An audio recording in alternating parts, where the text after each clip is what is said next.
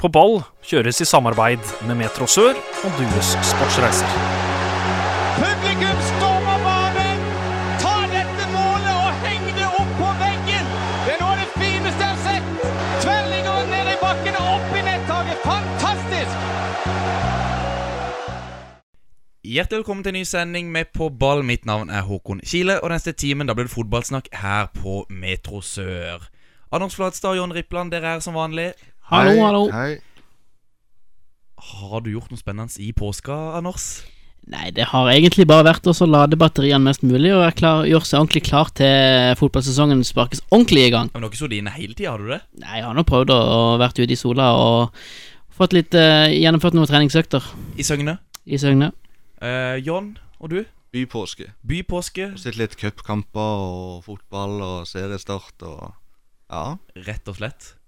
Eh, vi har med oss en gjest i dag, og det er ikke eh, Eivind Trædal. Det er en eh, mann som har vært i studio før. Han er kommentator i Eurosport og en såkalt, en såkalt Obos-ligaekspert. Amund Isaksen Lutnes, hjertelig velkommen tilbake. Ja, tusen hjertelig takk. Og jeg blei jo faktisk ganske overraska sjøl. Jeg syns jeg ligna ganske mye på Eivind Trædal. Jeg satt jo faktisk og så debatt med han bare for noen uker siden, og da tenkte jeg ikke på det i det hele tatt. Så det var jo Jeg lo ganske godt når det bildet dukka opp.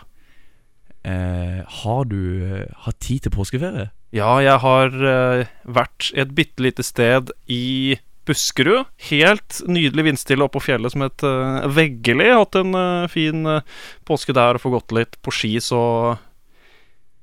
Egentlig veldig fornøyd med påske, det. Ja, og Obos-ligaen, den er i gang igjen. Endelig!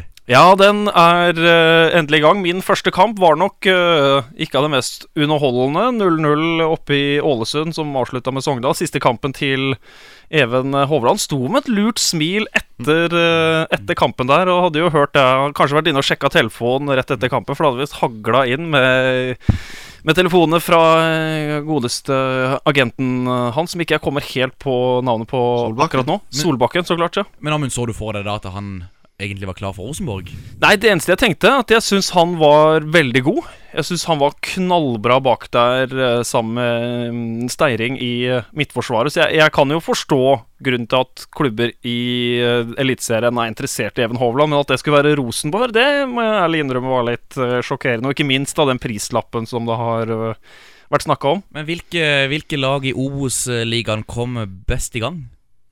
Jeg vil jo si egentlig at Ålesund og Sogndal kommer veldig godt i gang da, med 0-0. Det er et godt resultat for begge to. Viking også kan jo virkelig få en god start nå vinne 2-0 i det, så klart den litt spesielle kampen eh, i eh, Kongsvinger. Veldig god start for, eh, for Viking, og virkelig kan mobilisere nå inn mot første seriekamp mot, mot Mjøndalen på da det som den arenaen da, som skal visstnok få et nytt navn, og da verserer jo ryktene om at det er SR Bank Arena. Det er jo ingen som vil si noe før uh, til tirsdag, men Viking også kom uh, godt i gang. Ja, Tommy Høiland, blir han uh, årets toppskårer?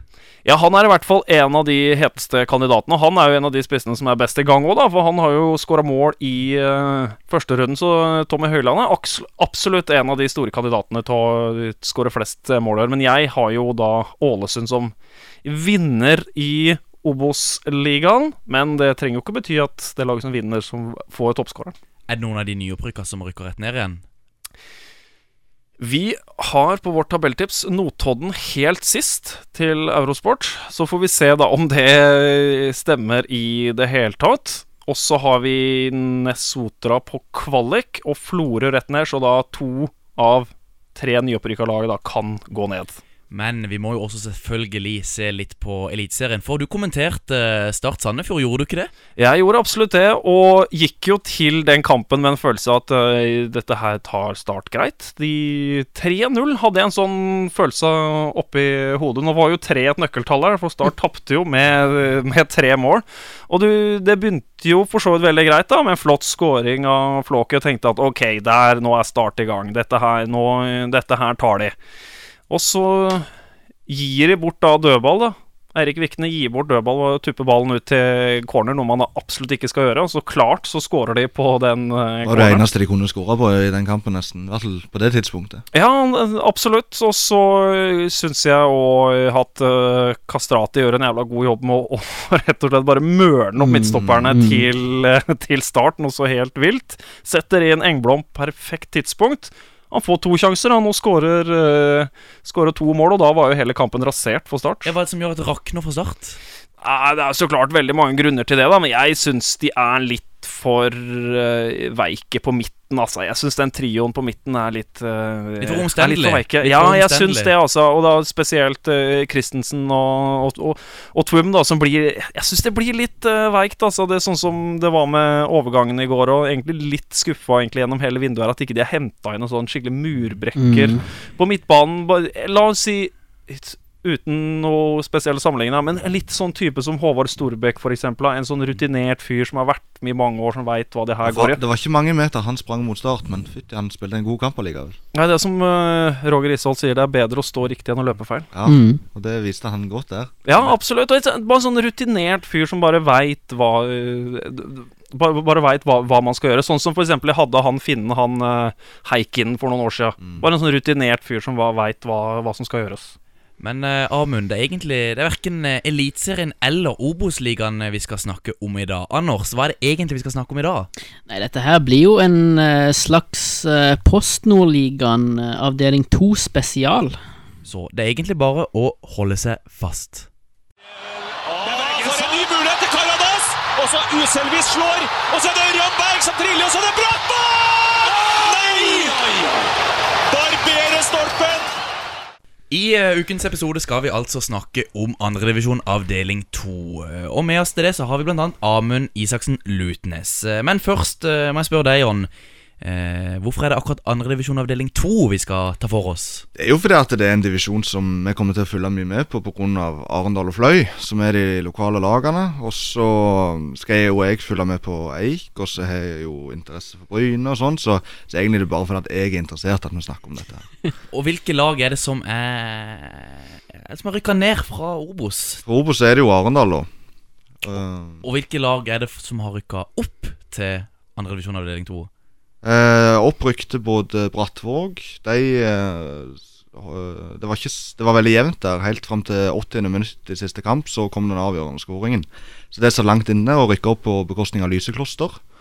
Eh, og så har du eh, Fløy, da, som var suverene. Vant vel alle utenom fire kamper eller noe sånt i, i fjor i tredje. Og det siste er Stjørdals Blink fra Nord-Trøndelag, hvis geografien min stemmer. Og de var jo suverene i sin avdeling. Og hvis vi skal ta for oss et slags eh, tabelltips, da eh, Hvem er det som er vi er på en måte mest usikre på, kjenner minst til, og kanskje Ja, kan bare si det om de nyopprykka Ja. først. At eh, alle de tre rykte rett opp igjen. De rykte opp, eh, ned året før. Og, og alle rykte jo ned som en konsekvens av denne divisjonsomleggingen. Sant? Så det var jo flere som rykte ned, og mange gode lag som måtte rykke ned. Fløy ble vel kanskje sist i sin avdeling når de rykte ned, da, men de kom sterkt tilbake. Eh, så er det vanskelig å se styrkeforholdet her. Vi følger jo klart mest med Sør- og Vestlandet, og har best kjennskap til dem, og syns mange av de lagene har sett bra ut i vinter. Og så vil nok kanskje de som sitter og lager sine tabelltips på Østlandet, kanskje tro at eh, de lagene vil gjøre det veldig bra. Men også et uh, interessant poeng eh, med tanke på disse annendivisjonsavdelingene òg. De bytter jo om hvert eneste år. Ja, I fjor var det nesten ren sånn Østlands trikkeliga, eller Ja. sånt de kalte det for. Det var jo Grorud og KFM og Skeid og Kjelsås osv. For i den avdelinga her i fjor så var jo f.eks. Fram Larvik, Ja. som nå er i den andre avdelinga. Så dette her er jo lag også som eh, stifter ganske mange nye bekjentskaper hvert eneste år. Det er ikke som de laga som er i Eliteserien og Obos-ligaen at eh, ja, Nå er for så vidt Obos-ligaen litt eh, kokos der, da, men i Eliteserien så er det ikke så veldig mange nye lag å Nei, så det er ikke bare med. nyopprykka, men du flytter jo over fra avdelingene. Er det noen uh, lag som dere savner fra denne avdelinga her, som er i avdeling 1, som dere gjerne ville hatt i avdeling 2? Som er gøy å se. Vi hadde jo, fikk jo en liten favoritt når vi var i Oslo i fjor sommer, i Grorud. Så det hadde vært gøy å ha de òg i denne avdelinga her. Og der er det jo òg en sørlending som er hovedtrener nå, Eirik Kjøne. Så det hadde jo vært litt gøy. Og han kunne sikkert òg godt tenkt seg et par turer til Sørlandet. Og så hadde det kanskje vært litt gøy med Fredrikstad på besøk til Absolutt. Arendal. det er klart Absolutt. Fredrikstad er jo det desidert største laget i Post Nord-ligaen som virkelig klarte å drite seg loddrett ut i fjor og klare å røre seg ned i eh, Post Nord-ligaen. De er jo da den gigantisk store favoritten i den andre avdelinga. Og du Og snakker det- deg om at liksom eh, i førstedivisjon er Viking og Ålesund og sånt lag som alle vil slå. Tenk når Fredrikstad reiser rundt og Skal møte Moss. Ja, det blir jo fantastisk. Og, og tenk blir- bare på uh, publikumsoppslutninga der. Selv om uh, de rykker ned til andredivisjon, så har de jo solgt vanvittig med sesongkort. Ja, det har ikke blitt gjort veldig mye riktig i Fredrikstad de siste åra, men det å ansette eh, Per-Mathias eh, Høgmo virker som en eh, veldig, veldig smart løsning. Og nok et prosjekt som trigger han, da. Kan jo se her nå, Fredrikstad, at det kan være et lag som eh, ja, kan kanskje gå inn i en ny sånn Knut Torbjørn Eggen-æra. Dette her kan eh, Jeg sier ikke at det skal gå rett opp til Eliteserien, for jeg tror de kommer til å rykke rett opp. Det tror jeg de kommer til å gjøre. Så Amund, med andre ord, eh, de lagene med opprykksambisjoner i andredivisjon avdeling 2, det er godt fordi at Fredrikstad er i avdeling 1. Absolutt, og det Du så jo det i den avdelinga her i fjor. Da var det jo potte tett mellom tre lag helt, helt inn på slutten av eh, sesongen. Notodden og Nesotra avgjør jo seg imellom på målforskjell, var det ikke det? Ja, og Bryne leda jo lenge denne pulja her, men fikk som vanlig da en liten høstsprekk, og, og da ble det tredjeplass på dem. Men vi kan da begynne i bunnen med de laga vi da ikke har så veldig stor tro på. Der skiller jo først ut seg Vålerenga 2. Ja, for at vi har tenkt sånn Vålerenga 2 er jo det vanskeligste laget å spå. Hva kommer de til å stille med, og hva har de og eh, hva ambisjoner har de? Antageligvis er jo det å holde plassen og være en utviklings... eh, Bare holde plassen, ja. Vi husker jo sånn som Odd 2 i den avdelinga her i fjor, ikke sant? At det kom helt mot slutten. De så ganske fortapt ut. Redda seg inn helt på slutten, og det er jo livsviktig for en så stor klubb som Vålerenga, som har en så stor A-tropp, at de har en eh, god arena for de som for de som er de nest beste, men du kan også legge merke til at uh, Vålerenga har faktisk lånt ut og mm. sendt bort veldig mange av sine unge spillere. Så jeg er litt spent på hva som egentlig er stammen i Ja, det laget si, sånn som Odd, som du sier, de tok 13 poeng på de fem siste i fjor og mm. redda seg akkurat. Og så, Men jeg tror Vi satt Vålerenga Vi har bare samla et par båndlag, og så har vi samla noen midt, uh, midt på, og så har vi samla en del som vil kjempe om topp, i toppen. Ja, og Så jeg- kan vi også trekke fram et annet lag i båndet her. Romantisk fotball. KFM Oslo, oppå Ekebergsletta. Norway Cup. Ballen langs bakken. Mm. Ingen tjener noe penger. Nei. Det er ganske mye fotballromantikk. Som, ja, og så er det liksom De snakker, eh, snakker veldig varmt om treneren Jørgen Isnes, Mm. da. Og det kan jo være Hvis han klarer å organisere et lag, og sånn så kan det være at de klarer å holde plassen. Men så er det flinke folk. ja, og det er mye de har mye å ta av på Østlandet. Det Ja. er jo en god del klubber der som det skiftes veldig Men, mye men, spillere men mellom. tror dere KFUM eh, nest sist? Eh, vi har liksom bare satt opp eh, fire lag i bånn, da. så Som det en er- boll- Vålre- Vålerenga 2, KFUM Ja, og Nardo og Stjørdalsblink har ikke med andre ord så veldig tro på Trøndelag i den avdelinga her. Nei, det blir tøft, da. Men eh, det som er KFUM, som vi sa i stad, eh, det var veldig mange østlandslag i pulja. Det vi hadde en liten teori om, er jo at de spiller litt mer teknisk på den sida av landet. Mm. Men så her kommer du til en avdeling der det er fire gressbaner, alle de er Rogaland.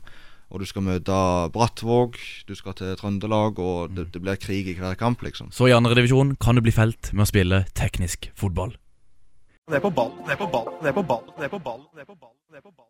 Vi har altså plassert eh, Vålerenga 2, eh, KFUM, Nardo og Stjørdalsblink som lag som, som muligens kommer til å slite i, eh, i bunnen av andredivisjon avdeling 2. Eh, Jon, skal vi si litt mer om no noen av disse lagene? Ja, nå følte jeg vi sa litt om KFUM og om Vålerenga, men vi kan gå over på de trøndelagslagene, Stjørdalsblink f.eks., som rykka opp suverent i fjor, og har blant annet en Ja, vi kan jo spekulere om det kan bli en ny Alexander Dang i, i Sondre Hoppmark Stokke, som skårte 32 mål i fjor.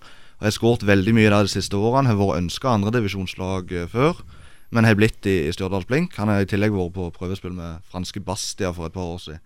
Eh, og så I tillegg så hadde jo han hent, fått inn han Andreas Ry, Ja, Eller Ry eller Rye. Rye. Ja. som uh, iallfall imponerte meg veldig eh, for Ranheim i slutten av forrige sesong. Ja, Hun kom på lån fra Ranheim Ja. da, eh, og var veldig god på Sør Arena mot Start, før han ble bytta ut der pga. skade. Og så er det jo så klart da en eh, ganske habil trener som skal styre dette her. Are Tronseth har vært i Obos-ligaen og Eliteserien i veldig mange år. Han veit hva det her går i. Var en kompromissløs midtstopper uten sidestykke, som nå kombinerer trenerjobben, så vidt jeg har forstått, med å være kjørelærer. Ja, han var i hvert fall det før han ble ansatt der. Eh, og det Jeg vet ikke, men jeg mistenker litt at kanskje treneren kan få sin eh, Altså at det blir litt spillestil som det Are Tronseth hadde. Jeg vet ikke. Men jeg tror det kan bli litt kynisk fotball. Ja, og så er det jo veldig lett å plassere et nyopprykka lag i bunnen Mm. av eh, Post Nordligaen. Vi så hvordan det gikk med Vindbjart eh, i fjor. Det var ikke så vel Jeg hadde ikke trodd de skulle rykke ned i fjor. Jeg tenkte kanskje midt på tabellen, nedre halvdel, men at det skulle gå rett ned. Og de var jo i bunnen hele sesongen. Mm. Men litt tilbake på disse to trønderske lagene, da. Er det sånn at de kan leve litt på Rosenborg og Ranheim? De kan jo håpe det. Nå har jo de eh, Stjørdals Blink lånt både Rye og de har lånt eh, Marius Augdal, som de tidligere i vinter solgte til Ranheim, men han kom på lån tilbake. Så det er jo litt sånn at du kan låne og ta litt av hverandre. Spørsmålet er jo òg om de utkonkurrerer hverandre litt, for nå har du jo Ranheim og Rosenborg øverst. Rosenborg teller jo ikke helt i den pulja der, men Levanger i førstedivisjon, og så har du to lag i andre, da. Så, så Det markedet er mange trøndelag. Så har Ja. du Byåsen og Strindheim rett under der igjen. Så er det mange av de som velger å hente nesten bare trøndere. Det er Ranheim er jo det mest ekstreme eksempelet, men, men jeg vet Nardo òg henter nesten bare trøndere. Men uh, da har vi ikke òg en uh, sørlending der oppe? Jo, det blir vel antageligvis reservekeeper, tror jeg, i Thomas Lia, som kom fra Byåsen. Han er egentlig fra Mandal, men spilte i Byåsen i fjor, var andre keeper der, men er blitt henta til, til Blink i år. Og Så er det en annen jeg vil trekke fram i Ole Kristian Rødal, som har vært veldig god i vinter. Han eh, har spilt i Ness Sotra og Kristiansund før. Er offensiv eh, midtbanespiller og er veldig målfarlig. Han skåret mye i fjor og har skåret veldig mye i vinter. Så angrepsspillerne er jo de som skiller seg ut på dette laget, men eh, jeg er litt usikker på forsvaret. Men Jon, er Nardo et lag som kan være der? Eh, de kan det, for i fjor så vant de de fem første kampene, og det er et sånt lag som alltid er tippa i bunnen. Men de har den treneren i ligaen som har sittet lengst. Eh, han har sittet siden 2010. De spiller veldig 4-3-3, det er nesten som å se på Ranheim. Og de har kanskje en av de beste keeperne i avdelingen, i Henrik Bakke. Så, men grunnen til at de havner i bånn, er fordi at de har ikke styrka seg veldig. De har ikke den klare toppskåreren på topp. De har Kristoffer Engan, men han skårer ikke sånn vanvittig mye mål. Og så mista de Martin Lundahl nå til Kongsvinger, som er vært en av de, var i fjor kanskje den beste stopperen i hele ligaen. Og var veldig klar for å gå til førstedivisjon, men han gikk jo ikke før nå på deadline day. Så de rekker ikke så vidt å få inn noen erstatter heller. When I be called an uppercut, then I have to act like an uppercut.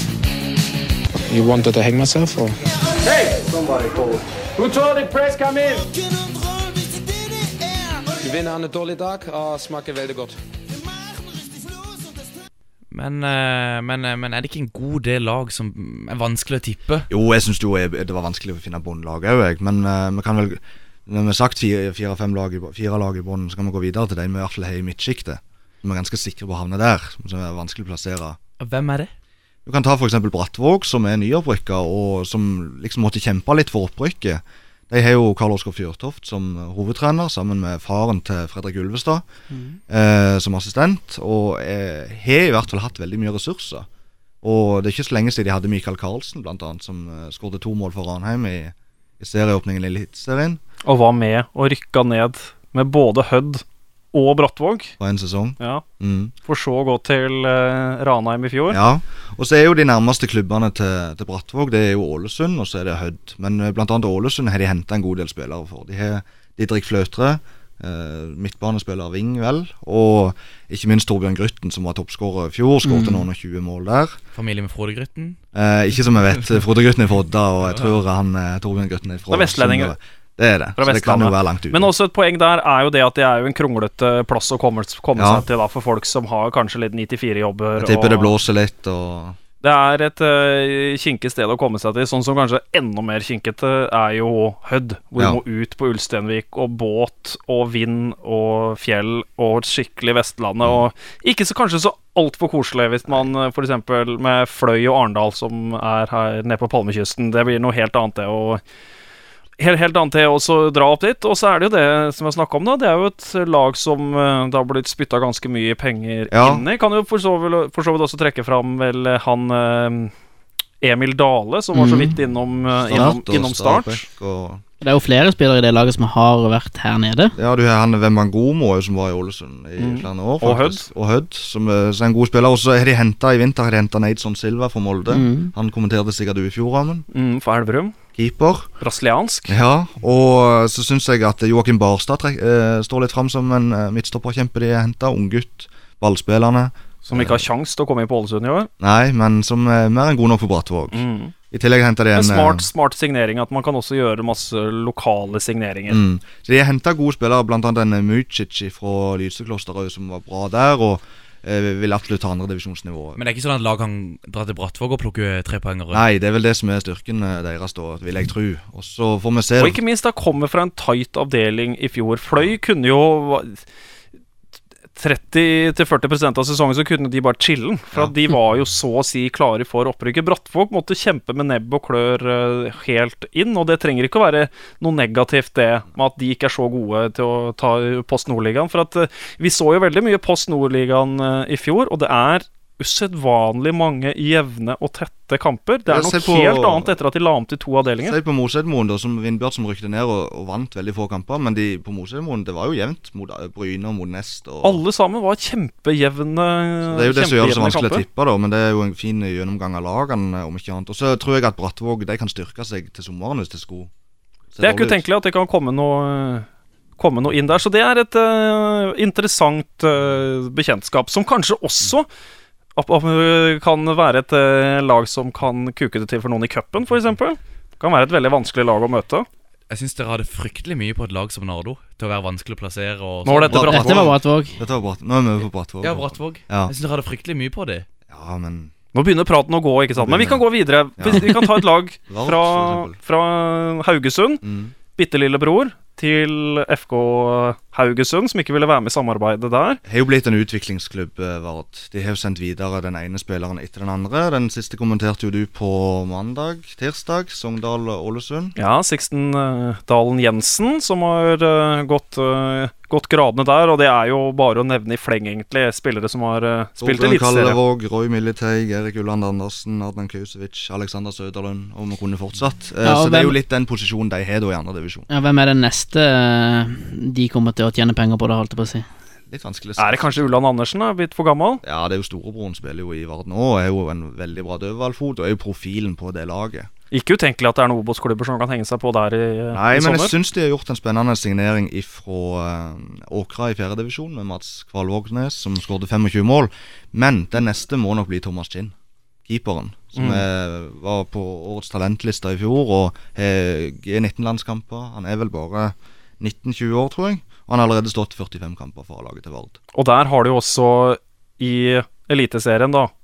Donut-kongen, øh, han godeste hva han heter Bråtveit, Keeper keeperen. Ikke utenkelig at han finner på å stikke til utlandet. Kan kanskje være en øh, mulig erstatter der. Jeg tror absolutt Haugesund eh, ser på Thomas Kinn. Eh, og så er det litt sånn spillestilen til Vard. Det er som regel vært 4-3-3. Stram organisering defensivt, og så litt mer sånn unge, kreative spillere framover.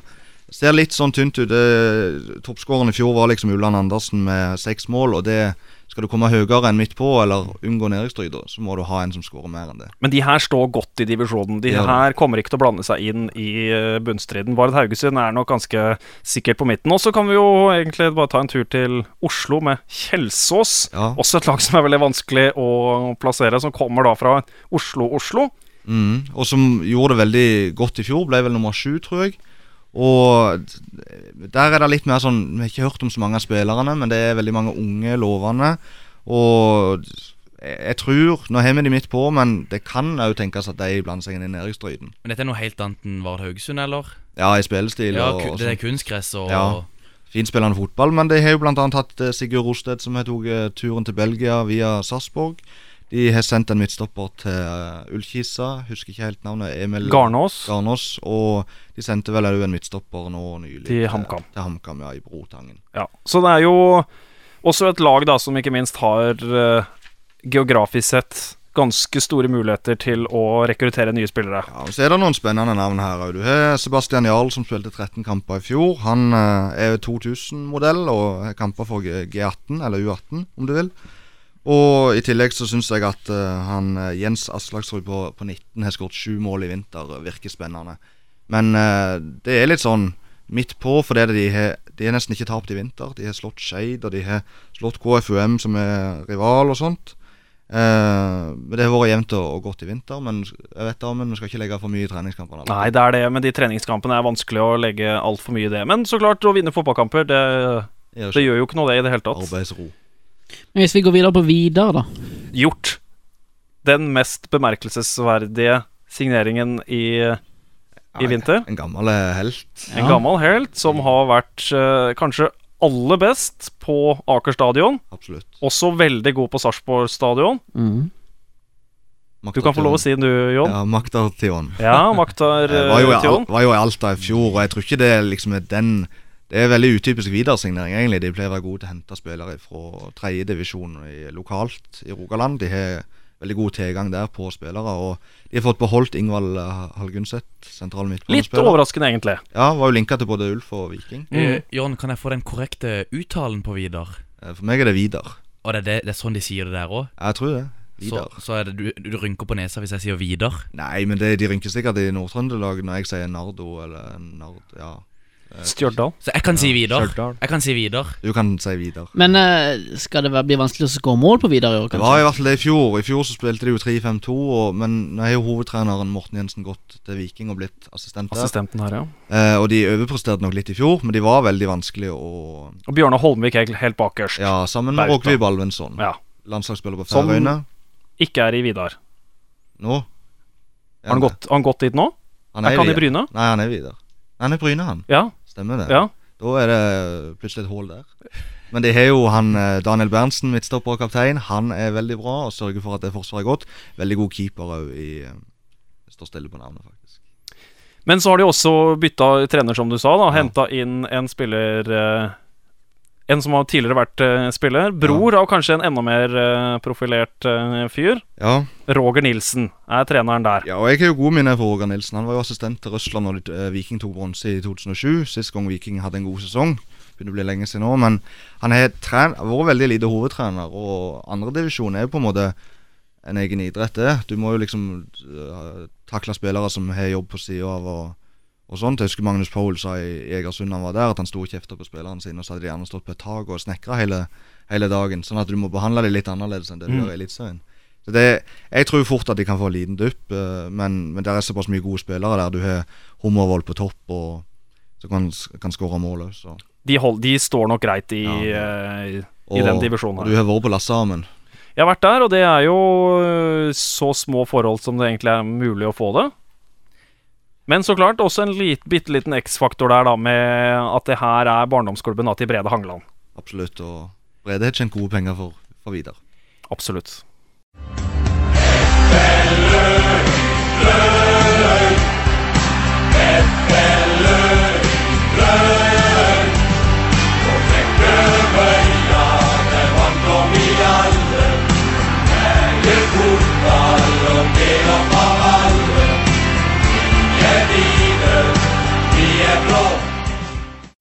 Skal vi nå bevege oss eh, videre på de lagene som, som blir å, å- å være i toppsjiktet, eller, eller er det noen flere lag som fort kan havne Det er vel et siste lag midt på tabellen her, og nå er vi endelig ute på Flekkerøy, og der har vi fløy. Vi- Som endelig er tilbake.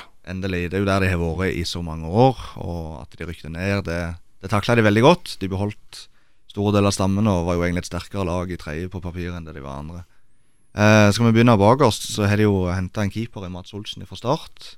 Eh, jeg er ikke sikker på om han tar førsteplassen før eh, Hoppestad. Nei, det, det gjenstår å se. Ja. Og de har jo spilt litt eh, om hverandre i treningskampene. De kan i hvert fall pushe hverandre.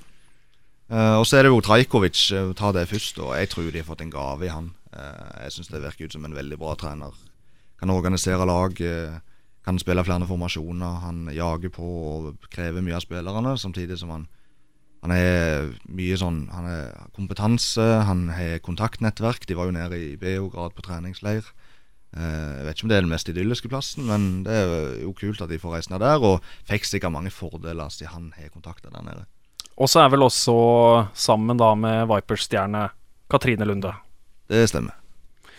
Men så er det jo også kanskje den beste signeringa de har gjort i vinter, er nok Nils Petter Andersen på spillesida. En spiller som jeg syns har vært til tider ganske solid i Obos-ligaen for Jerv. Har slitt med en del skader, og det har jo egentlig han gjort opp gjennom hele karrieren sin. Gjorde jo det også når han signerte for, eh, for Sandnes Ulf. Får de en skadefri Nils Petter Andersen, så er det en klassesignering. Jeg tror jo nesten det må være skadene som gjorde at han ikke fikk fortsette i Jerv, for, Ja. for han er god nok for førstedivisjon. Absolutt, altså. Det er en veldig sterk eh, Så, signering. så er det jo et bra forsvar. Ja. Og i tillegg så har de jo henta han som vi har mast om i hele, hele vinter. Ja. Eh, Hvor ender Jakob Toft? Det- Han endte i Fløy. Han gjorde det, så nå har de jo kjempegode alternativer der. Men skal vi avslutte Forsvaret først? De har jo Sky òg, som er ungt talent. Og Mm. eh, Så blir det vel Skagestad kanskje og Norheim i, i Forsvaret. Tror du, Håkon? Jeg tror at uh, Skagestad blir å få en uh, om, Det er usikkert hvordan formasjon Fløy kommer til å spille. Eh, om det er Så det er trebøkslinja, da. ja 3-4-3, om det er 5-2-3, eller om Jeg tror kanskje de åpner 4-3-3. Ja, det kan godt være det. Og Skagestad som en back, Ja. tror jeg. Kanskje at det blir Markovic eller Vikne på den andre bekken. Det er jo litt av poenget. De har jo veldig mange alternativer og mange spillere som kan spille forskjellige posisjoner. Eh, nå er det viktig at Norheim blir skadefri. Han har jo vært ute hele vinteren. Eh, og vil vel kanskje da ta plass på midtbanen hvis han blir klar. Og der igjen er det òg tøff konkurranse. Ja, Tony Vo, eh, Henrik Dalum, Henrik Andersen.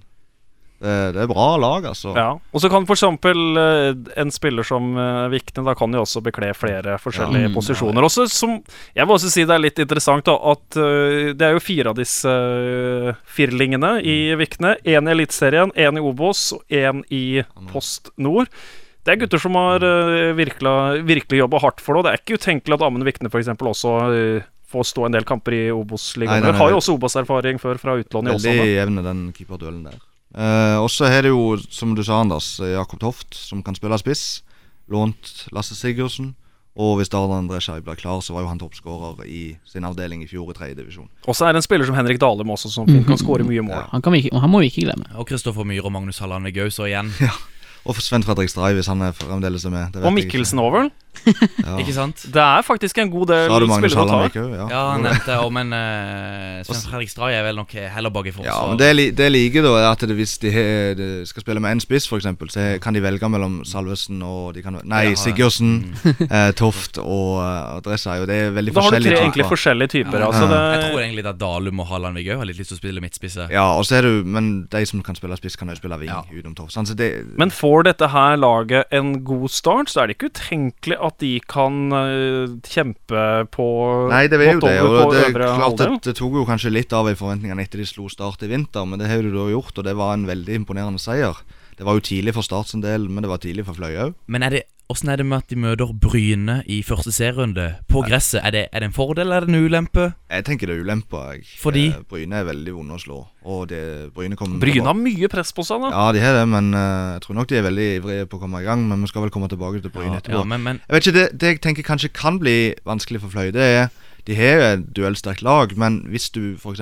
spiller mot Bryne eller mot Vidar, og de står og slår langt opp så, eh, så ja, de står kanskje godt i første duellen der, og sånt, men det blir kriging. Men utelukker vi Fløy fra eh, å ligge blant eh, topp fem, to- topp seks? Eh, Fløy skal jo være kjempefornøyd hvis de, hvis de står i divisjonen. Mm. Først og fremst så er det Da er det tommel opp på alle oppå Nå vet jeg ikke hva de kaller banen sin lenger. Det heter vel ikke Colline-banen? Arkikon eh, eller noe sånt. Ja, det er jo all- sjangeren all- Mm. Alle tomlene opp der oppe hvis de, hvis de holder seg i divisjonen. Ja. Alle veit hvor sinnssykt tøft det er i Post Mm. Men jeg tror de har litt eh, Altså Hvis de havner i bunnstriden, så vil de være veldig skuffa. Det virker ut som de har ganske høye ambisjoner. ja, og det er kult men, at de men, har det. eh, det er ikke mange som går rett gjennom andredivisjon. Jeg tror Arendal gjorde det et år, eller Jerv eller et eller annet sånt. Men Og så er det nok også man kan kanskje nesten si det litt negativt, da. Det er jo veldig koselig å komme opp på Flekkerøya. ja. Komme opp der hvis du det er god kanskje sol. tatt litt på sengen, da, for det er så fint og koselig. Og så stormer fløyangrep. Og så Ja, er det, ja. plutselig Så har du regestimen òg der. Ikke sant? Så det er, Så, det er Men eh, Fløy er et, eh, eh, er et interessant innslag Ja, jeg gleder meg veldig til å se hvordan de gjør det. For jeg har forventninger, og jeg tror de kommer til å levere. Og så hvis de gjør det, så blir det utrolig gøy. Og det er jo sol på Flekkerøy hver gang. Det er det. Så hvis de ender som nummer seks, virkelig tommel opp. Det er jo det.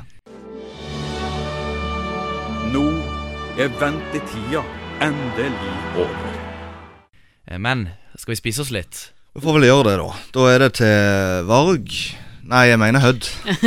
Hødd. Som jo er det her heimebane... Som deler hjemmebane med, med Varg. Ja. Hei, Amund, Ja. ser du på det? Ja, jeg syns heimebane er fantastisk. Og noe av det som jeg var eh, mest redd for med den serien Jeg grua meg til de skulle begynne å spille fotball. For Ja. da tenkte jeg at da, det, det er det ingen som har fått til før, syns jeg. Mm. Men det tenker jeg faktisk ikke noe over. Jeg syns situasjonene som dukker opp og sånn, er uh, realistiske. Jeg syns det filmatisk sett er løst uh, er jo- ganske bra. Det er jo først og fremst en dramaserie, Mm. egentlig. Ja. Sånn at det, det på fotballbanen skal ikke bety så mye om det ser realistisk ut. Det er jo viktig, men Ja, men Jeg syns de, de får det veldig bra til i kulissene òg. ja, de er faktisk flinkere. Jeg vet ikke om dere har sett Jo, jeg tipper dere har sett disse Goal-filmene. Ja, Ja. Åh, elendig. Syns du det? Ja, jeg syns det var helt eh, Jeg synes, jeg, Det syns jeg ikke var noe spesielt i det hele tatt. Jeg, jeg syns det alt utafor banen var Noe av det var kult. I første filmen det ble jo bare dårligere og dårligere etter hvert. Så eh, var vi jo litt yngre da, Håkon, så alt var jo kult. Det var helt rått.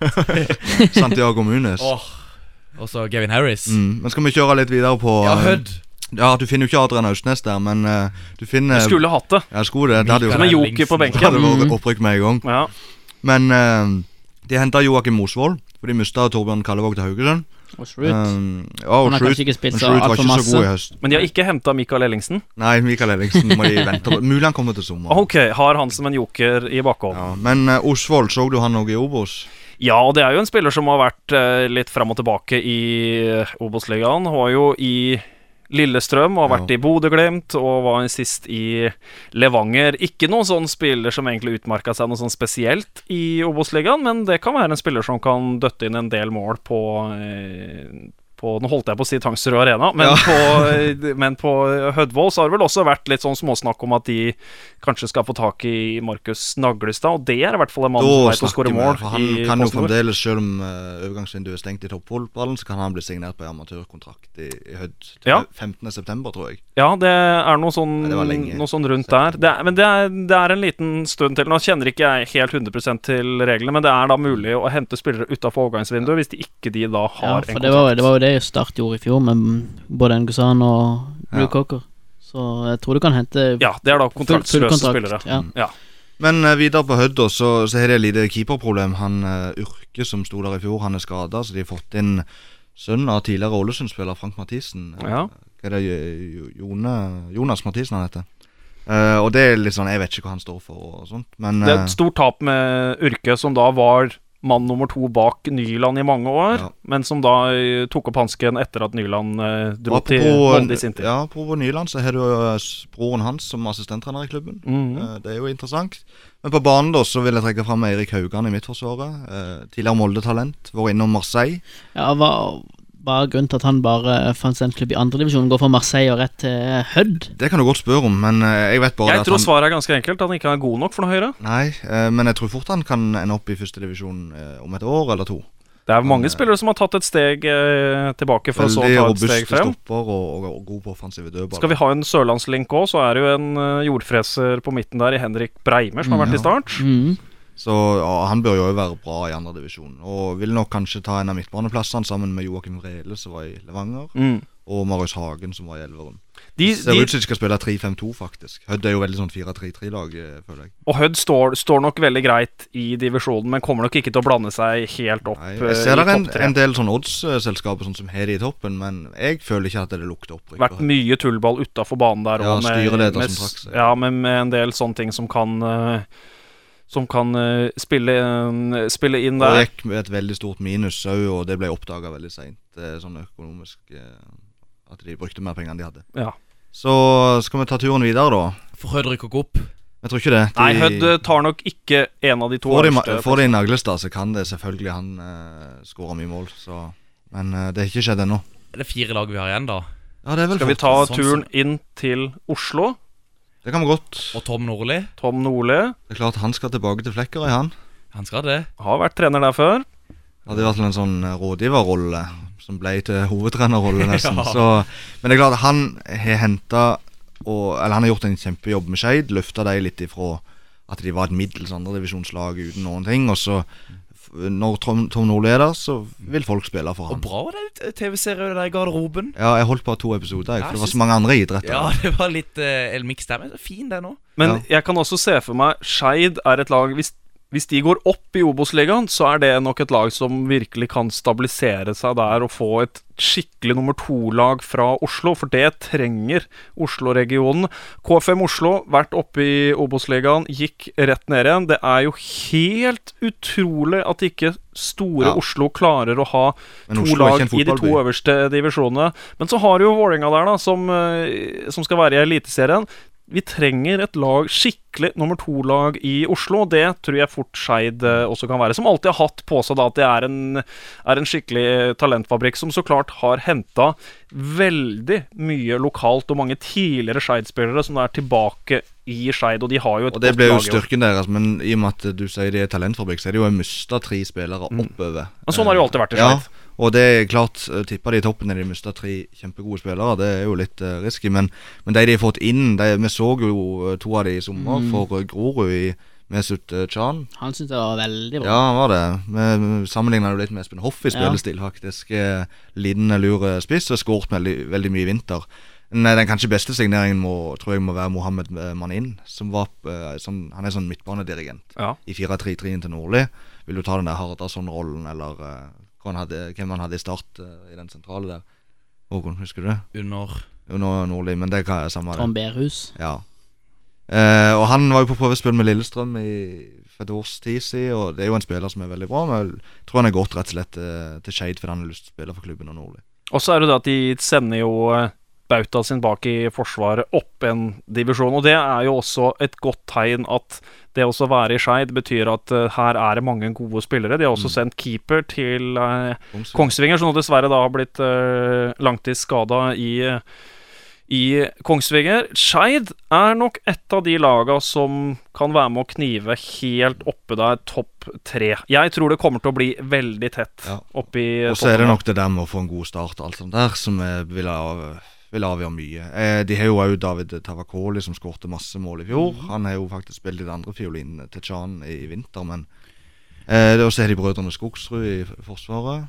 Det tror jeg er god midtstopper. Men jeg Vært innom City og Rangers sine ungdomsakademi. Ja, og så ser jeg jo det er en Alesami der. Er det noe link til Jeg tror det er broren. Han spiller jo midtstopper. Så, så det er et bra lag, det her. Så. Men litt utenom eh, det sportslige, åssen er egentlig stadionfasilitetene her? her? Jeg har aldri vært på Nordre Åsen, jeg. Nei, det er vel ikke store greiene, tror jeg. Det er jo Det er så klart med en, gang man, med en gang man tenker Skeid, så tenker jo jeg Voldsløkka. Men Ja. der spiller du jo ikke lenger. Der er det jo boliger nå, så vidt jeg veit. Eller det er i hvert fall ikke noe ordentlig Var det vel en tur på fotballarena. Bislett òg, eller?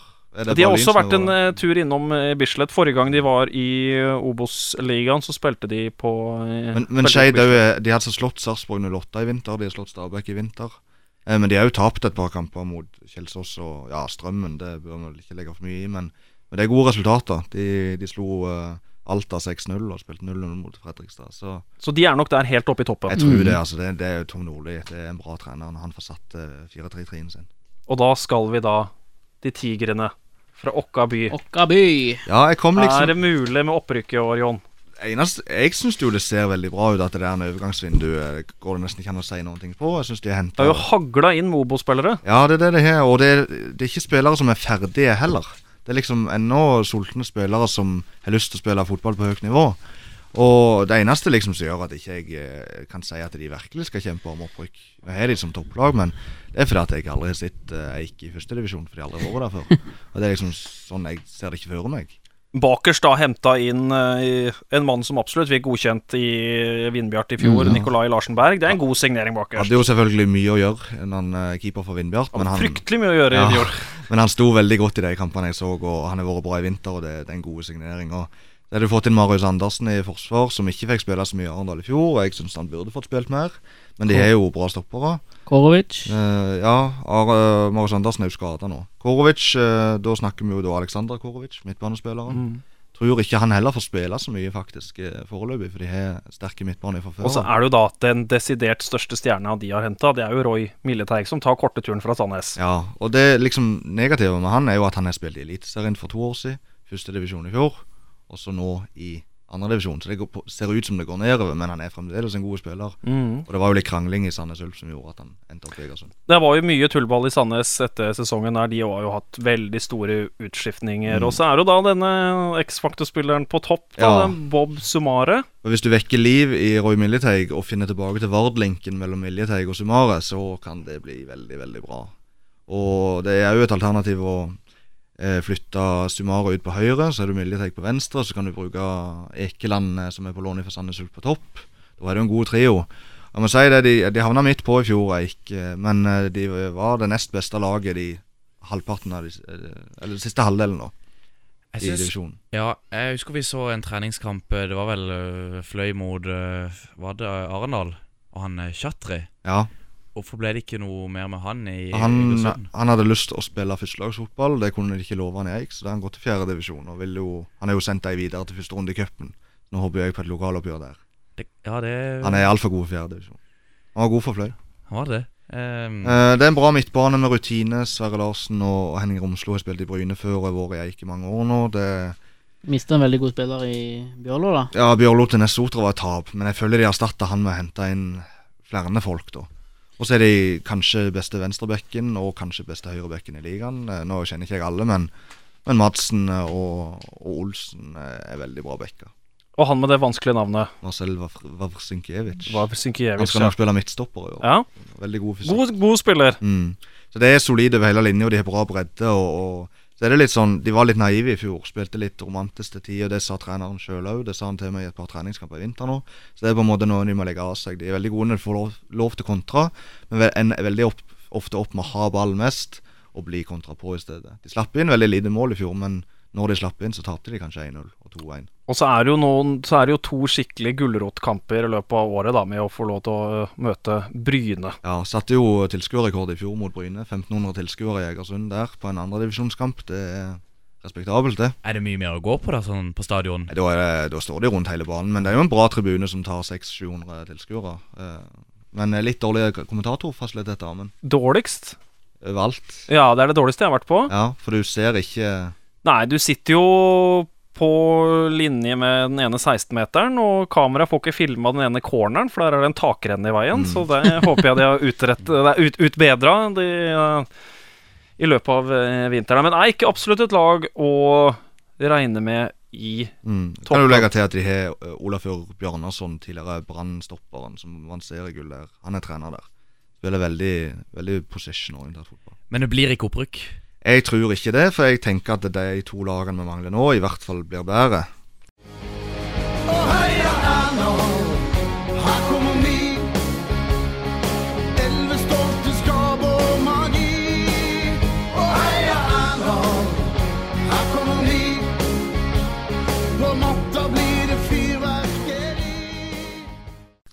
Ja, hvem, hvem stikker av med seieren? da? Skal vi ta det Skal vi ta vinneren først? Jeg tror det er Bryne. Ja, jeg tror det blir Arendal. Jeg tror det blir Arendal.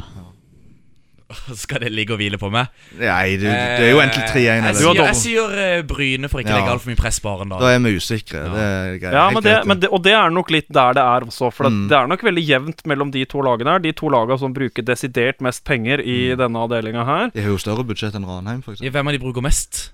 Eh, Ja, vet vi det? hvis Bryne har samme budsjett som i fjor, så bruker de mest. De hadde rundt 20 millioner i fjor. Og Arendal, Arendal? Arendal har, har vel sagt sjøl 13-14, tror jeg, i år. Og Bryne også gjort uh, noen interessante signeringer. De sender jo Aram Khalili opp en divisjon og Mm. tilbake til Eliteserien. Han skal jo skåre mål på Det Levermyr i år. Ja. Men Ja. han, han, det, det tror jeg er helt greit, for han skårte ikke så mye i fjor. Det som Bryne var utrolig solid i fjor, det de mangla, var egentlig en storskårer. Og når de henta Nå har de henta en som virkelig skårer mål på det nivået her, med det litt, kanskje litt øh, klønete navnet. Omar El Gauti, alt det jeg har sagt. Ja, men det som er litt spesielt, at de har henta han, men de har henta en duo fra Fram Mm. Med Gauti og Erik Rosland. Så hvis de to liksom fortsetter det samarbeidet de hadde i Fram, for det var de som gjorde at Fram var et ok fotballag i Ja. To av, to av spillerne som da har dratt etter at, så vidt jeg har hørt, øh, Sven Gøran Eriksen Eriksson skal kjøpe opp uh, fram, øh, Mm. fram Larvik. Får vi se hva som skjer, uh, skjer der. da De er jo den andre, andre avdelinga. Men Bryne, det tror jeg kommer til å gå Jeg tror de kommer til å gå opp, rett og slett for at øh, de fant veldig godt ut av øh, Post Nordligaen i fjor. De skjønner veldig hva de går til. Arendal veit ikke helt hva de øh, går til ennå. De rykka opp da det var fire avdelinger, ganske, ganske greit. Jeg tror nok Arendal kan få seg et lite sjokk Mm. når ballen begynner å rulle. Skal vi ta laget til Bryne først? Og det har jo tidligere Eik-keeper Igor Spiridonov i mål. Eh, som er en keeper som, En god litauer. Solid. som kan være umulig å skåre på, men han kan gjøre noen vanvittige brølere òg. Og det var litt derfor at, uh, han, at Eik ville hente ny keeper, og slapp han til Bryne. Uh, så Forsvaret er bunnsolid, for der har du Rogvi Balvensson. Han er mm. ikke videre lenger. Landslagsspiller. Ja, Landslagskollega òg, da, med Nattestad i Ålesund, som Ja. er på lån der. og sikkert han Johansson i, i Florø og Ja. Rolandsson i Brann. Og det er en, det er en kul spiller som, har, som den ene helga spilte mot Cristiano Ronaldo, for så neste helga å spille Post Nord-liga. Det, eh, det er kult krydder i Mm. den avdelinga er her. En veldig solid spiller. Kanskje ikke den mest eh, fargesprakende spillestilen, men en veldig solid mann som er god å ha helt bakerst. Og så er de, de er et veldig fysisk lag, men samtidig så er det unggutter der. eh, Blant annet han Ueland spilte veldig mye i fjor. Andreas Ueland, midt, Mm. midtstopper. Han også kan nok fort være en spiller som uh, kan være i Eliteserien Mm. eller Obos-ligaen. Bør være Ja. det om ikke så altfor lenge. Og de to som er sagt, Balvinsson og Ueland, og kanskje eh, Christer Wemberg, han spiller vel ennå, tror jeg. Ja, og fortid i Moss. Ja. Og så har Bjarne Langeland han spilt litt midtstopper, litt back, litt sentral midtbane. Veldig bra høyrefot. Ja, men de har et solid lag. Ja, det eh, også. Simen Næss også helt framme der, syns jeg er en Ja. god og Ja, kreativ og fin God spiller. Ja, de har to veldig målfarlige, målfarlige spillere helt Mm. foran, og så har du jo Mats Bøgel der, ikke Ja. minst, da, som er eh, Som, er, som jeg, som jeg syns er veldig god. Et lag også da som spiller på gress. Ja. Og det hjemme er de veldig sterke. Selv om de tapte 6-1 mot Eik i fjor, så var det en veldig merkelig fotballkamp. Var det Eh, da, det var så ekstremt mye vind? Var det ikke det? Selv satt vi jo i Arendal og så Arendal-Kongsvinger, Ja. så vi fikk ikke med oss den. Men eh, det var jo eh, De har jo henta Pål Fjelde òg, vet ikke om du kjenner til han? Det er jo en uh, lokal spiller der som er Ja. tilbake. Og det er jo også noe av denne Det som også er ganske fascinerende med Bryne. Der er det mange jærbuer, Mm. og de sender jærbuer ut, og så kommer det nye jærbuer opp. Sånn som Haaland, som gikk til, til Molde. Det er det er rett og slett et veldig godt klima for å skape toppfotballspillere. Ja, det er i- litt, litt på gang igjen nå. I, i første divisjon så ble det lite unggutter som fikk slippe til. Nå ser det en, er- ut som det er en ja. tendens til at de, de får slippe til. Men er det familie eh, Braut Haaland og Braut Brunes?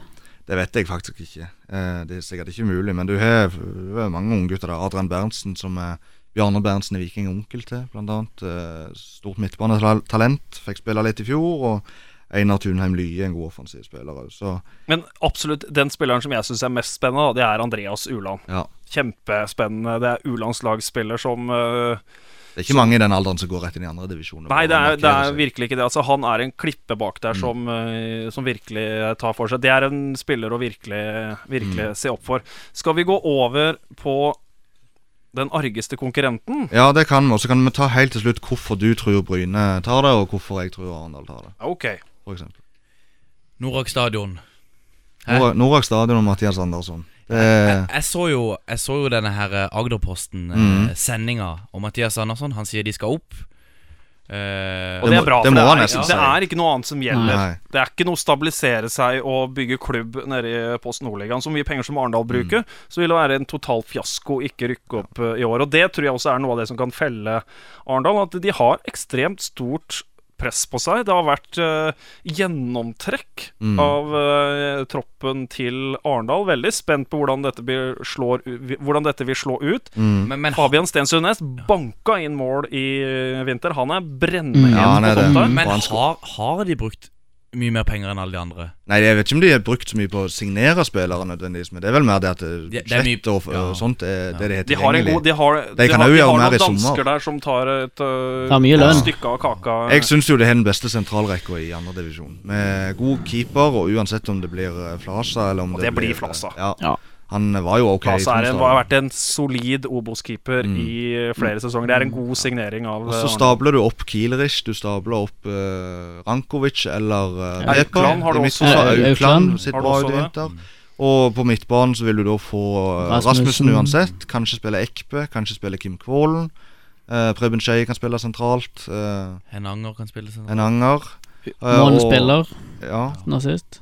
Og så er det jo da Lynge Christensen, Jakob Rasmussen, klassespillere som Mm. hvis de Men nå handler det også mye om at det her må de gidde òg. ja, men det Det er tror jeg. stå- Og Lynge Christensen var skada mye i fjor i førstedivisjon. Han skulle jo faktisk bli stjerna deres i fjor, når de kom som nyopprykka. Du hadde de midt på tabelltipset ditt i førstedivisjon. Ja, ikke sant? Og det tenkte jeg var greit, Ja, greit jeg, logisk. Jeg trodde de skulle stabilisere seg, men det var jo en katastrofesesong fra ende til annen. Fra, de, de, Ja. de mangla litt harmoni da. Jeg tror han er, Mathias Andersson har fått Og hva var det de dreiv med på overgangsmarkedet? De henta jo alt som kunne krype og gå. Hente Ja, og det Peter Kovac. Ja, og det aller meste av det, som det det er vel ute igjen. Ja, Det er Avni Peper og Ekpe som er igjen. Og Ek, men Ekpe er litt usikker på Er han Mm. motivert for å spille andredivisjon.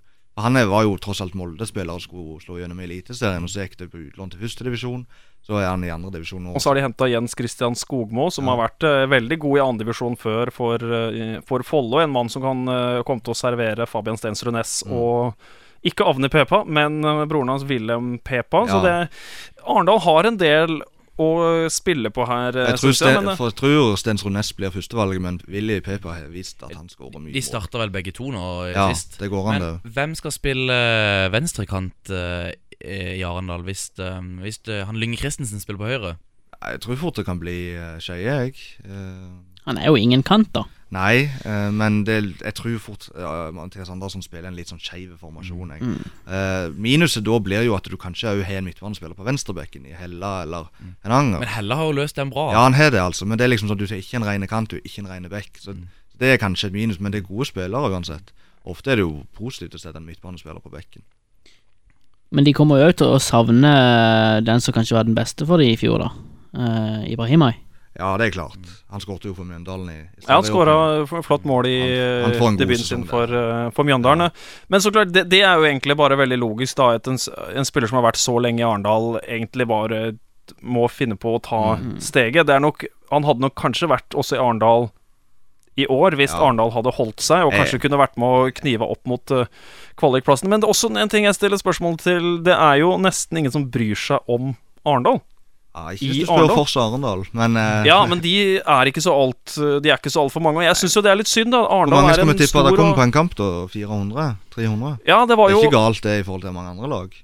Men i forhold til den størrelsen og den pengebruken, og så, så iherdig som de jobber med å bygge klubben her, så syns jeg det er Men det, er- nå er det jo i bunn og grunn da, så har det jo aldri vært noe kult, fotballkultur i byen. De har et knallgodt eh, håndball, eh, håndballag som drar eh, folk der.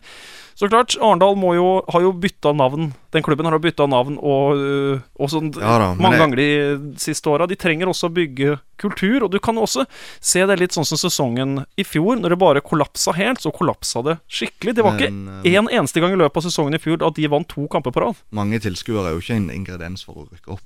Nei, for all del ikke. Men eh, det er noe med at noe med at eh, Arendal er en såpass stor by at jeg forventer at Jeg hvor du vil. At, eh, at det her skal bli en liten greie i, eh, Ja, i du, Arendal. ja, for at de er stifta i 2010, og det er like lenge som treneren til Nardo er sittet, liksom. Men uh, jeg, det, jeg føler ikke jeg har fått helt fram på hvorfor jeg liksom syns at, tror at det kan bli Arendal som rykker opp. Det, De har en god tropp. ja, og Mm, og, og målskårer, men det er noe med det der som Mathias Andersen snakket om i den sendingen til Agderposten. Det er det mentale. At de skal være sultne. At de, hvis de leder 2-0, så skal de ikke stoppe å spille, de skal fortsette. Mm. Og Det kommer du langt med, for det er viktig det er jo ikke bare å dra inn 1-0 og 2-0.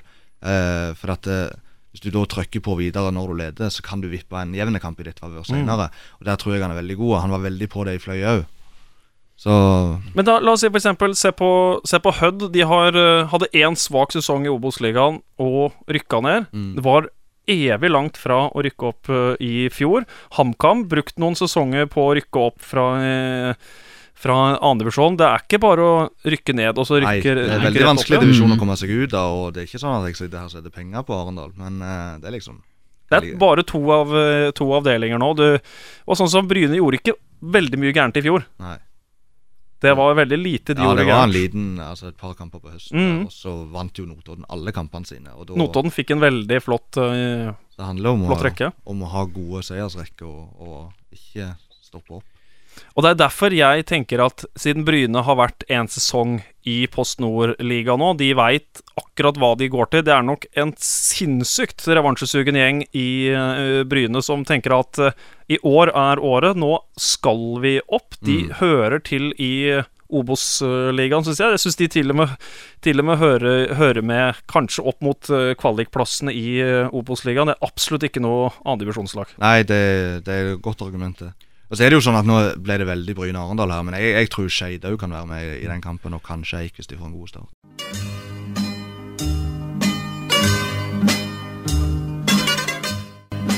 Jeg syns ikke vi utnytter overgangen bra nok, men i andre omgang så, så gjør vi det. Altså, nå, nå er de, de er jo mer solide, mer jevne. De er mange gode spillere. Flere å velge i. De hadde jo skadeproblematikken og alt det der. Så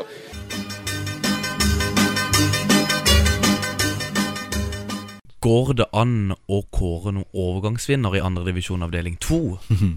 Er det mulig? Ja, det har vært veldig mye ut av Arendal, eh, sånn at de måtte hente inn litt. Eh, jeg syns jo at de har gjort fantastisk overgangsjobb i Egersund, der de har fått ut nesten alt av utlendinger som ikke har tilhørighet, som er kanskje vanskelig å integrere i gruppa. For det er litt sånn Det er ikke så lett i andredivisjon. Du snakker jo om at spille Start sliter med å integrere sine nye spillere. Nå har de nesten bare norske. Det er kun eh, en danske igjen. Og det har vært veldig sunt for dem, tror jeg. Eh, jeg det er nesten min, eh, min favoritt.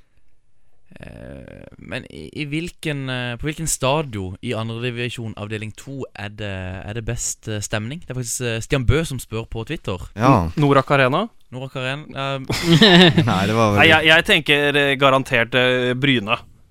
Det er alltid kult på Bryne stadion. eh, Og i hvert fall hvis de kan eh, Når det kommer noen kamper hvor det, hvor det kommer eh, en del mål, så syns jeg det alltid er kult å komme til Bryne stadion. Men den der kubjella som ringer hver gang de, Det kan jo være de scorer. Nå har jo ikke vi vært på alle stadionene på Østlandet og i Trøndelag, og sånt men, men jeg tror Bryne er en bra plass. Og så tror jeg jo selvfølgelig Flekkerøy med, med Regestimen. Men du får Blir en fin sommerdag Mm. du, på skulle sitte når, når. David Nilsen kom til Egersund som Nest Sotra-trener. Altså, han ble så forbanna. Og, og han hadde ikke forventa det når han kom. Han er jo vært med på mye, han. Han ble så forbanna på det publikummet som sto og skreik på han. Jeg gleder meg til Tom Nordli skal komme til Egersund. Ja, ikke sant? Men, men, men er det flere tilskuere i Egersund enn det var der på er, jeg vet ikke hvor mye det er på fløykampene, jeg. Men i Egersund så kan det ligge på mellom 500 eh, det er Minst 450, og så kan det være opp mot eh, 800. Det er liksom mellom der, og så kan det være 1500 mot Bryne, liksom. Så nå vet Fløy litt hvor mange de må samle i hop. Ja.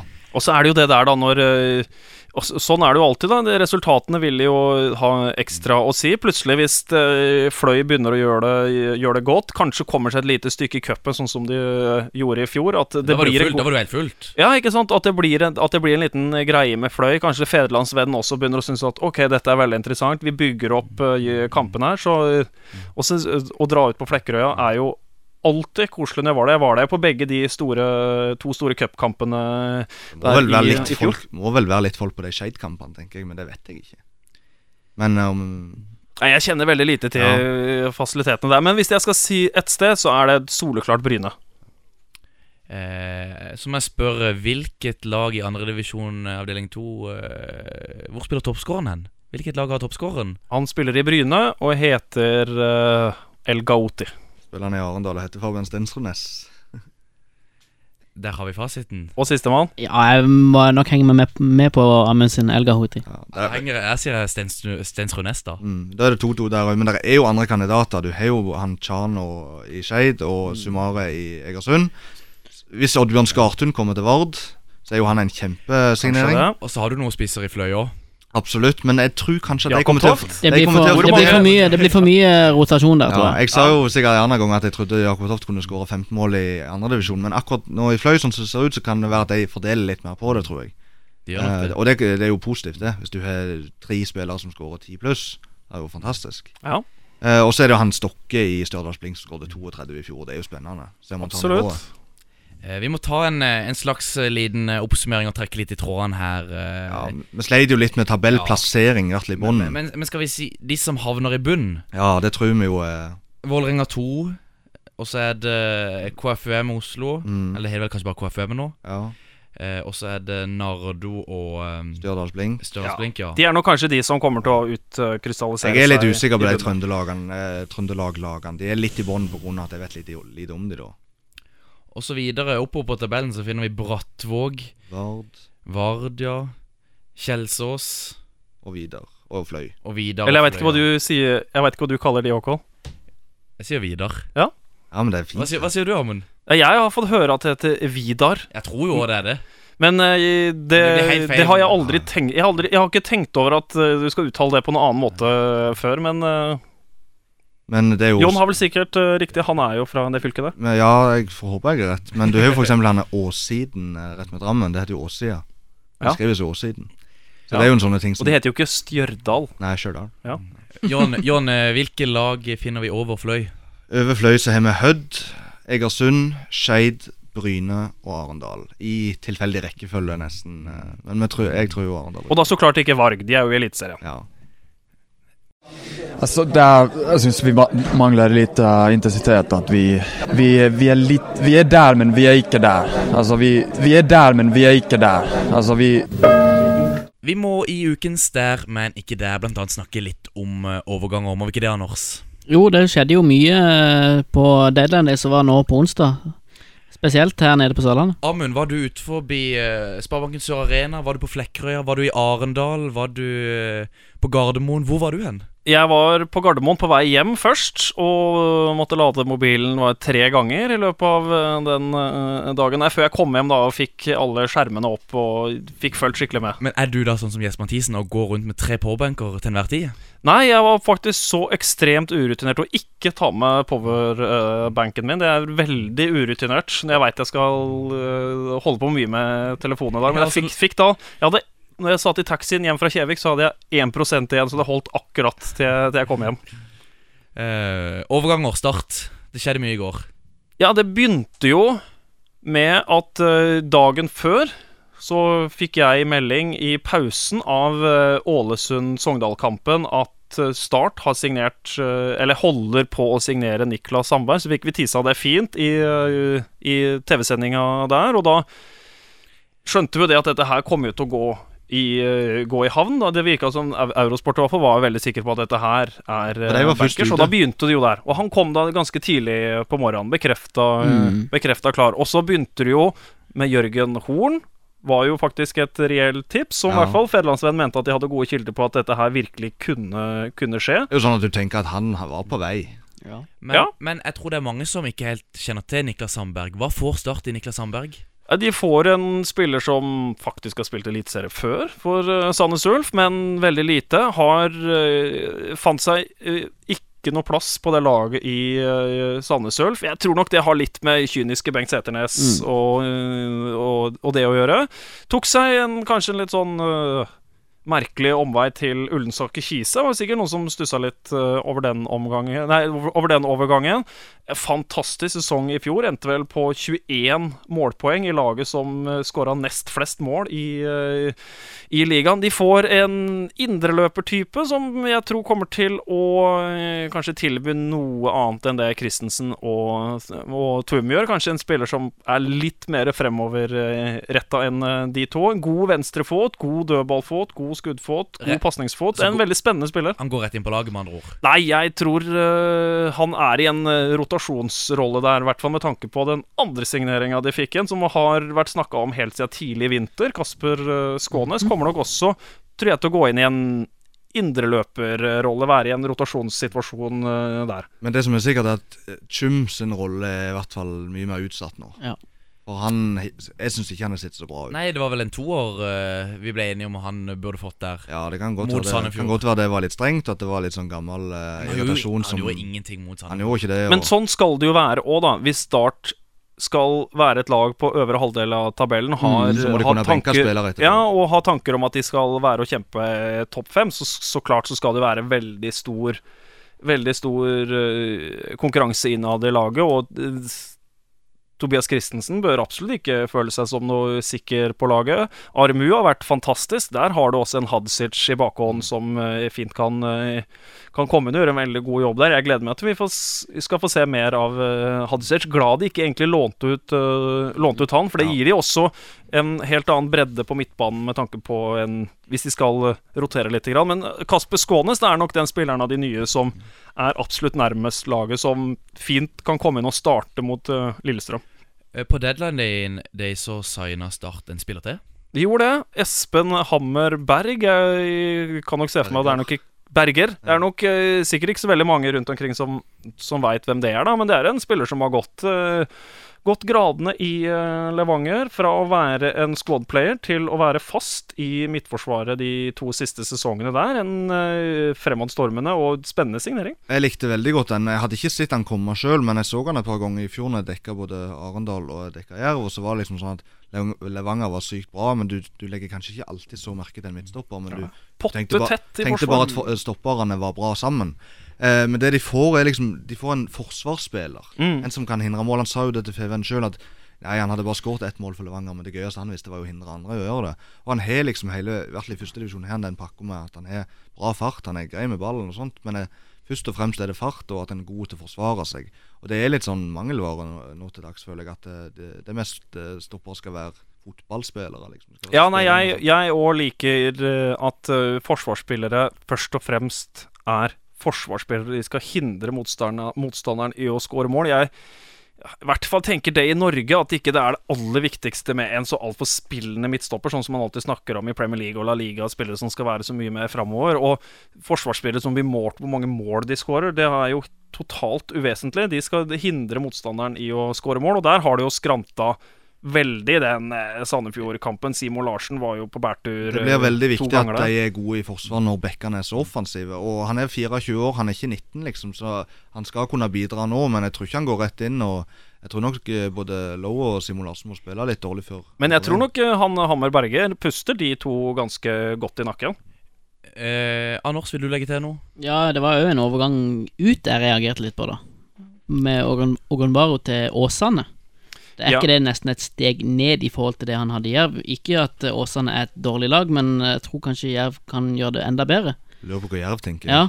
Ja, nei, det var jo en spiller som Jerv fikk penger for når han skulle til Start. Var nok aldri tiltenkt en eh, startplass i Start, eh, tror jeg, men en spiller som skal komme inn og, og skape i bredde, var jo ikke noe god, syns jeg, i treningskampen mot Viking for Start da han gikk inn for, eh, for Love der. Og jeg, jeg, jeg stusser jo også over uh, Akkurat at de, de låner den ut sånn som deadline day til slutt ble, stusser jeg ikke så mye Nei, over. Men uh, Det er klubben. at han går til Åsane, men så hadde Mons uh, hadde, hadde sånn- veldig lyst på han, og det er nok en spiller som Åsane kommer til å ha ekstremt godt bruk for. Midtbanetrioen til eh, til eh, Jerv er strålende. Det er ikke sikkert at han har spilt fast der heller. Han kommer til å spille fast i eh, Åsane. Jerv henta jo også inn en midtstopper fra Haugesund, så der Mm. også begynner jo egentlig dekninga å bli helt eh, grei. Og så vidt jeg forsto, så gikk jo den Ogungbaro-signeringa gjennom helt på tampen. Men jeg tror det er en konsekvens av at Start fikk inn så mange at de kunne låne han ut. Mm. Men samtidig så er det såpass lenge siden nå, for, eller det føles iallfall lenge siden Ogunbaro kom til Start, at når han ble henta, så tror jeg at han ikke var så langt unna ei startoppstilling. Nei. De trodde han kunne bidra. Ja. Og så er de sett nå kanskje på trening, kanskje i treningskampene, at han ikke bidro så mye. Når de da fikk inn alt det de gjorde, så Mm. Og Det hadde òg har- litt godt med en defensiv midtbanespiller òg. Ja, og så var det jo da, i løpet av den vinteren der, en helt vill Vilt mange signeringer. Mm. Både inn og ut. Det har vært Mm. helt kaos i start. Ja, jeg føler jo folk som ikke følger så mye med Start, at de sitter Hva er det de som litt, ser det og- utenfra, tenker De tenker sitt, ja. Hva tenker du, Anders? Nei, så var det jo en jeg tenkte kanskje kunne blitt lånt ut, men som ikke fikk noe utlån. Tryggvason. Kommer, han kommer jo ikke til å spille mye i Eliteserien i år, i hvert fall. For de Nei, er for Start har henta en fra Rogaland, Jonne. Tre eh, ord om Bringaker. Kjappe, raske, tekniske. Det er litt sånn Bakromspiss. Ja, jeg syns jo litt sånn stilen er en middels uh, eliteseriespillers svar på Aguero. Får han liksom. spilletid? Eh, ja, det gjør han jo, men eh, det er jevnt mellom han og Salvesen og Floki, da. Men så ikke sant Jeg mener Floki i første valg. Ja, og så han Flok- eh, Floke- Sigurdarsson, han ja. Aron. Aron. Ja. Men eh, Anders, hva er det som skal skje til helga? Til helga er det start i eh, vår alles kjære fjerdedivisjon avdeling 11. Yes. Men det er en kamp som allerede er blitt utsatt pga. snø på Brun Arena. Det er kampen mellom Vigør og Randesund. Men fjerdedivisjon avdeling 11 det starter, eller det spilles ball i, i flere steder eh, på Sørlandet. For i Mandal der det er kampen mellom MK og Fløy 2. Den blir spilt på kunstgressbanen der. Lyngdal møter Flekkefjord, og Søgne møter Kvinesdal. Hva tror du om eh, Søgne Kvinesdal, Anders? Etter det Søgne har vist i vinter, så eh, tror jeg det kan bli jevnt, altså. Eh, skal ikke se bort ifra at Kvinesdal kan ta med seg alle tre poengene der. Men det er et lag Søgne må slå hvis de skal klare seg greit. Absolutt. Og eh, med tanke på at det er fjerdedivisjon uh, start nå i helga, så blir vi å spille, spille litt av den nye Vigør-sangen. Og ellers kan vi minne om at det spilles også kamper i Premier League. eh, Et par kamper der. Men Jon, fotball er best på Stadion. Yes. Eh, Anders, hva har vi snakker om i dag? Nei, da har vi jo brukt det aller, aller meste tida på uh, andredivisjon avdeling 2, eller PostNord-ligaen avdeling 2, som uh, det vel offisielt heter.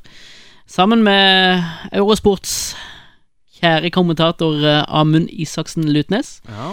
så uh, har vi prøvd å sette opp et uh, tabelltips på det. Ikke at vi kanskje Ja, vi kommer garantert til å ta mye feil. Eh, det er i hvert fall helt sikkert. I hvert fall 70 Og hva skal du i helga, Amund? I helga så skal jeg jobbe litt i kommunen, og så skal jeg til eh, Levanger. Og så på tirsdag så skal jeg til Stavanger. Hva er det som skjer i Levanger, og hva er det som skjer i Stavanger? Det er fotball, det er Obos-ligaen, og det er Levanger-Ålesund, og det er Viking mot Mjøndalen, da. Reåpning, nesten, da, av nye stadion i eh, Stavanger. I hvert fall nytt navn, da, som eh, det på en måte offisielt ikke er sagt ut hva navnet er. Men eh, Amund, eh, tusen takk for at du tok deg tid til å komme innom, innom studio i det som høres ut som en, en travel hverdag. Ja, tusen takk for at jeg fikk komme. Eh, Anders og John, eh, takk som vanlig. Takk eh, for at du som lytter hørte på. Minner om at vi er på Twitter. Følg oss gjerne der. Der heter vi På ball RS. Vi er også funnet i Soundcloud og i iTunes. Der heter vi På ball. Og vi har en nettside, Anders. Radiosor.no slash påball. Da gjenstår det bare for meg å si vi snakkes og høres.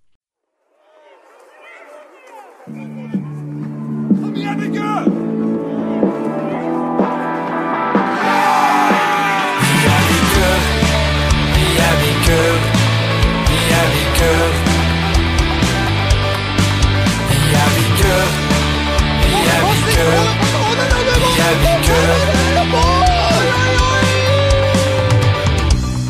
Vi står sammen i vigør.